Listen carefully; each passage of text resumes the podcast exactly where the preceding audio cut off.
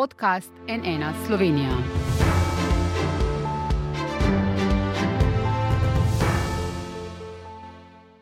Dober dan, to je NN studio. 19. dan ruske agresije na Ukrajino se število beguncev po podatkih Združenih narodov približuje 3 milijonom.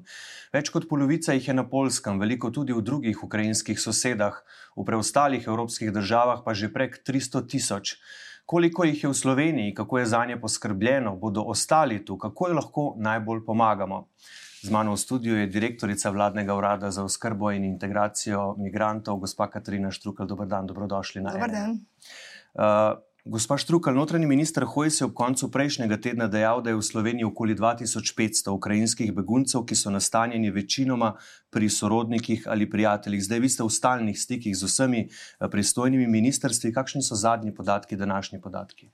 V bistvu podatki preko vikenda se te podatki niso kaj bistveno povečali, razen v nastanitvenem eh, centru v Logacu, kjer pa je na današnji dan že 289 oseb. Še vedno pa je večina oseb pri prijateljih in sorodnikih. Mm, ta lokacija v Logacu je zdaj tam že eh, prostora zmanjkalo ali je še kaj eh, mesta? V bistvu je še nekaj prostora, seveda pa eh, bomo rekli, uradna kapaciteta je 300, oziroma bi jo lahko tudi še povečali. Je pa seveda ob tem vedno treba um, upoštevati um, način nastanjevanja. Ne treba upoštevati ranljive kategorije oseb, recimo družine, tako da počasi pa prostora zmanjkuje, tako da bo potreba po odpiranju novega centra. Uhum. Kje pa bo ta, so tu že kakšni načrti znani, kateri bo ta novi center? Prvi center bo na Debelem vrtiču. Uhum. Kakšne pa so tam kapacitete? O, 100, med uhum. 90 in 100. Večinoma pa gre tako logacu, kot bo tudi tam za ženske z otroki. Sej. Predvsem ženske z otroci v nastanitvenem centru v Logacu je preko 160 otrok, tako da v bistvu res mamice z otroci. Pa sploh mi lahko kot država vodimo evidenco, gospa Štrukel, koliko ukrajinskih beguncev je pri nas, glede na to, da jih je toliko, ne velika večina, očitno pri, pri prijateljih in sorodnikih. Seveda, zato ker smo v bistvu dejansko dali poziv, tudi na naši spletni strani je, da ne vsak, ki v bistvu prestopi mejo, tudi če legalno vstopi, ne se seveda registrira na policiji. Tako da v bistvu policija ima podatke o v bistvu registraciji ne samo na policijskih postajah, ampak tudi v hotelih in drugih nastanitvenih kapacitetah in tudi seveda v logacu. Uh kakšen je njihov status? Ne? So izrazili namero za vložitev prošnje za azil, so jo že vložili, morda že uh, Eh, kdo ima azil, eh, kakšna so tu ta razmerja? V bistvu eh, na današnji dan je v bistvu 951 v bistvu izraženih namer za podajo prošnje, večja pa se seveda tudi število tistih, recimo 424 je tistih, ki so pa že vložili vlogo za začasno zaščito. Mhm. Tako da v bistvu tudi recimo v nastanitvenem centru v Logacu ljudem bomo, smo že in še bomo natančno razložili, bomo nekaj razliko med obema v bistvu institutama zaščite in potem seveda se bodo pač morali uh, sami odločiti, na kateri poti želijo, da se uredi njihov status. Kakšna pa je ta razlika, uh, se pravice potem razlikujejo glede na status? V bistvu je pomekla uh, ta status začasne zaščite, se seveda podeljuje v primeru množičnega prihoda in je v bistvu hitrejši postopek, bolj učinkovite in hitrejše bodo pač prišli do te potrebne zaščite in pač pomekla tudi nivoja pravice. Ne? Ampak mislim, glede pravic, ki jih imajo tu, kot ljudje, ki so pač prišli iz uh, države, kjer je vojna in so begunci in so zdaj tu pri nas, uh mhm. -huh. kakšne pravice torej imajo? Potem, ko bodo seveda vložili prošnjo za začasno zaščito, pridobili status, imajo seveda pravico do nastanitve v nastanitvenem centru in žepnine v primeru, da bodo popolnoma brez sredstev ali zavezancev za plačilo, lahko se bodo odločili in ostali pri sorodnikih. In v tem primeru, če nimajo recimo um, nobenih sredstev, lahko bodo zaprosili za, tako za denarno pomoč, v smislu za to, da bodo lahko živeli za prehrano za te stvari, in tudi za denarno pomoč za zasebno nastanitev, kot neka oblika, bomo rekli plačilo za najemnino. Uh mhm. -huh. Potem bodo imeli pa seveda pravi, otroci pravico do izobraževanja, se pravi dostop do osnovnih šol, srednjih in drugih oblik izobraževanja, potem tudi dostop, dostop do trga dela ne, uh, tudi, in tudi pomoči pri vključevanju v okolje. Mhm. Kakšne pa so te uh, pomoči, rekli ste, žepnina, pa pomoč za stanovanje, v kakšnih zneskih to govorimo? V bistvu znesek je vezan na uh, neka, minim, v bistvu enako denarna socialna pomoč. Ne? To je v tem trenutku malo več kot 400 evrov, mislim, s prvim aprilom, da je 421 evrov.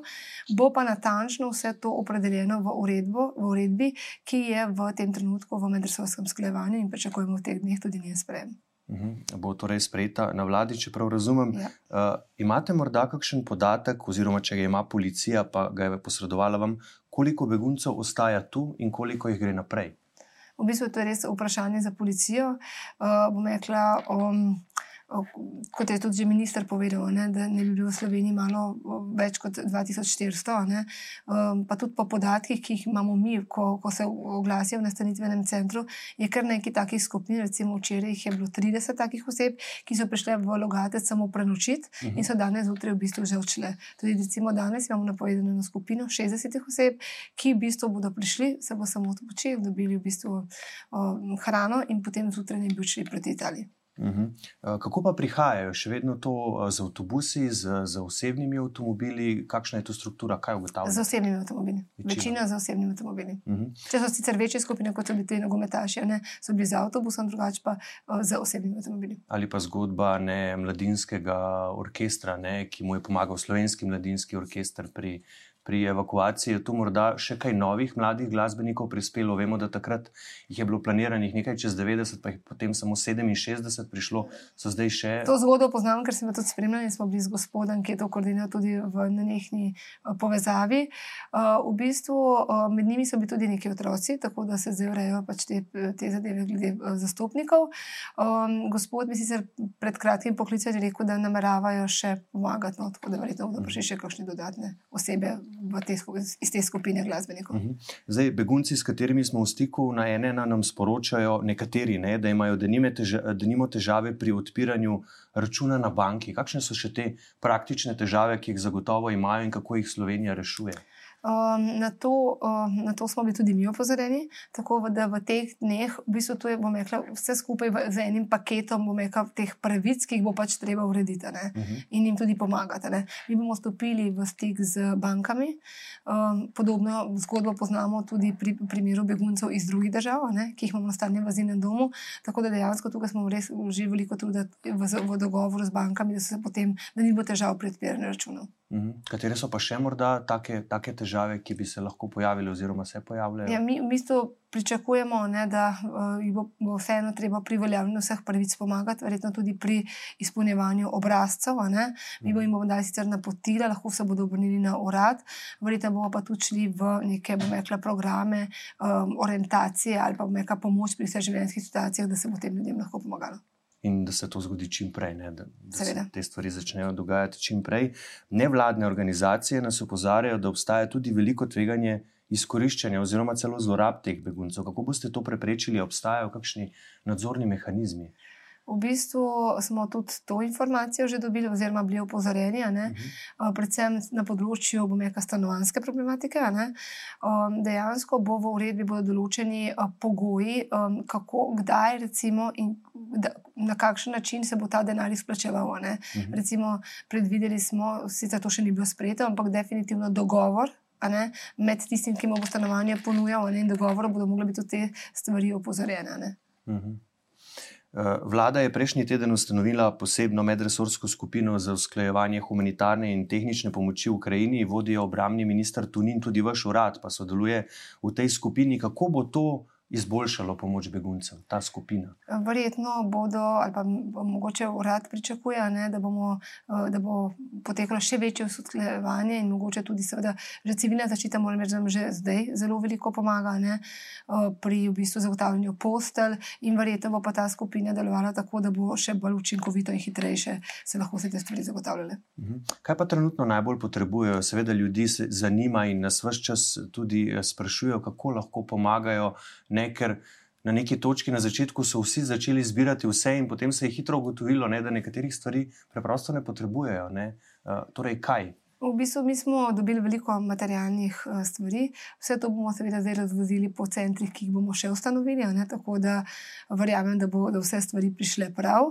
Um, v bistvu se, so se pa tudi ljudje ponujali in v bistvu, nam, uh, pred, v bistvu imamo nek nabor stanovanj, tako da v bistvu zdaj v bistvu kličemo um, te ljudi, če so pripravljene družine, ki jih imamo recimo v Logacu, vzeti v nastanitev. Imamo pa tudi recimo na nas so vrnili um, konkretno za neke šole, da so pomagali profesorjem, mi smo recimo včeraj urejali eno tako nastavitev. Uh -huh. uh, pa boste kaj preverjali te nastanitve, kako, če so pač primerne? Ne? Ker Kakšen morda ponudi tudi kaj, kar ni primerno. Ja, v bistvu je sistem tak, da če nima, da smo potem tudi v nekem stiku z osebo, ki, uh, ki je bila vez za nami. Ne? Da, v, Mhm. recimo v enem primeru je bila taka nastanitev eh, zavrnjena, ne v drugem primeru smo potem uredili to. Pa imate morda podatek, gospa Štrukel, koliko ljudi v Sloveniji je v tem trenutku se odzvalo in ponudilo svojo nastanitev? Uh, nabor je zelo velik, preko 200 oseb. Mhm. Eh, Pa bodo, to smo že nekaj rekla, ne, eh, zdaj debeli rtič, ampak glede na to, ne, da ni videti, da bi se vojna kaj umirjala, in glede na to, da begunci še kar prihajajo, ne, zdaj smo pri treh milijonih in ta številka bo še naraščala, še za nekaj milijonov, po oceni uh, Združenih narodov, tudi Evropske unije.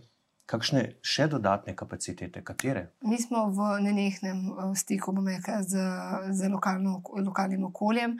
Naslednja taka, recimo, ena lokacija se nam obeta v Velenju. Mhm. a ne. Tako da mi bomo v bistvu se odzvali glede na potrebe. Mhm. Ljudje, ki želijo pomagati, naj se obračajo neposredno na nevladne organizacije, na vaš urad, na to novo ustanovljeno skupino vladno, kam je najbolje, da se obračajo. Zaenkrat je najbolje, da se na urad ali pa seveda tudi na nevladne organizacije, recimo Slovensko filantropijo, Karitas, Rdeči križ. Ki smo jih že tudi gostili v tem studiu, vi imate tudi ogromno stikov eh, z nevladnimi organizacijami. Nam lahko poveste, kakšna, kako neprecenljiva je pravzaprav njihova vloga zdaj pri tej humanitarni katastrofi? V bistvu nam pomagajo v obliki prostovoljcev. Um, smo jim zelo hvaležni. Um, v, vsak dan so prisotni v nastanitvenem centru Logacu, tako verjamem, da bodo tudi na Debelem Artiču, uh, tudi v Azilnem domu delujejo že vrsto let z nami in nam pomagajo. Tako da bi se dejansko delujemo z roko v roki. Seveda, vsi begunci si želijo, da bi se lahko čim prej vrnili domov, v svoje domove, če jih še imajo, a ne v svojo državo, vsaj. Uh, ampak, če se to ne zgodi, če bodo pač okoliščine takšne, kako bo potem vendarle bo država Slovenija morala poskrbeti za integracijo, kako bo ta videti? Um, to sem že prej omenila. ne. V bistvu mi bomo pripravili programe, zelo hitro se moramo seveda odzvati, ne, ker ljudje so tukaj in treba jim je pomagati. Uh, v bistvu bomo naredili en tak, upamo na paralelni sistem, kot je z osebami, ki imajo priznano status, ker ta sistem dobro funkcionira. To pomeni, da dejansko bodo imeli to prvo pomoč in seveda tudi uh, se moramo pogovoriti še glede tečajev uh, jezika. Uh, glede na to, da imajo ti ljudje veliko travm, strahov, kako jim mi, ki smo tu, uh, lahko to stisko olajšamo?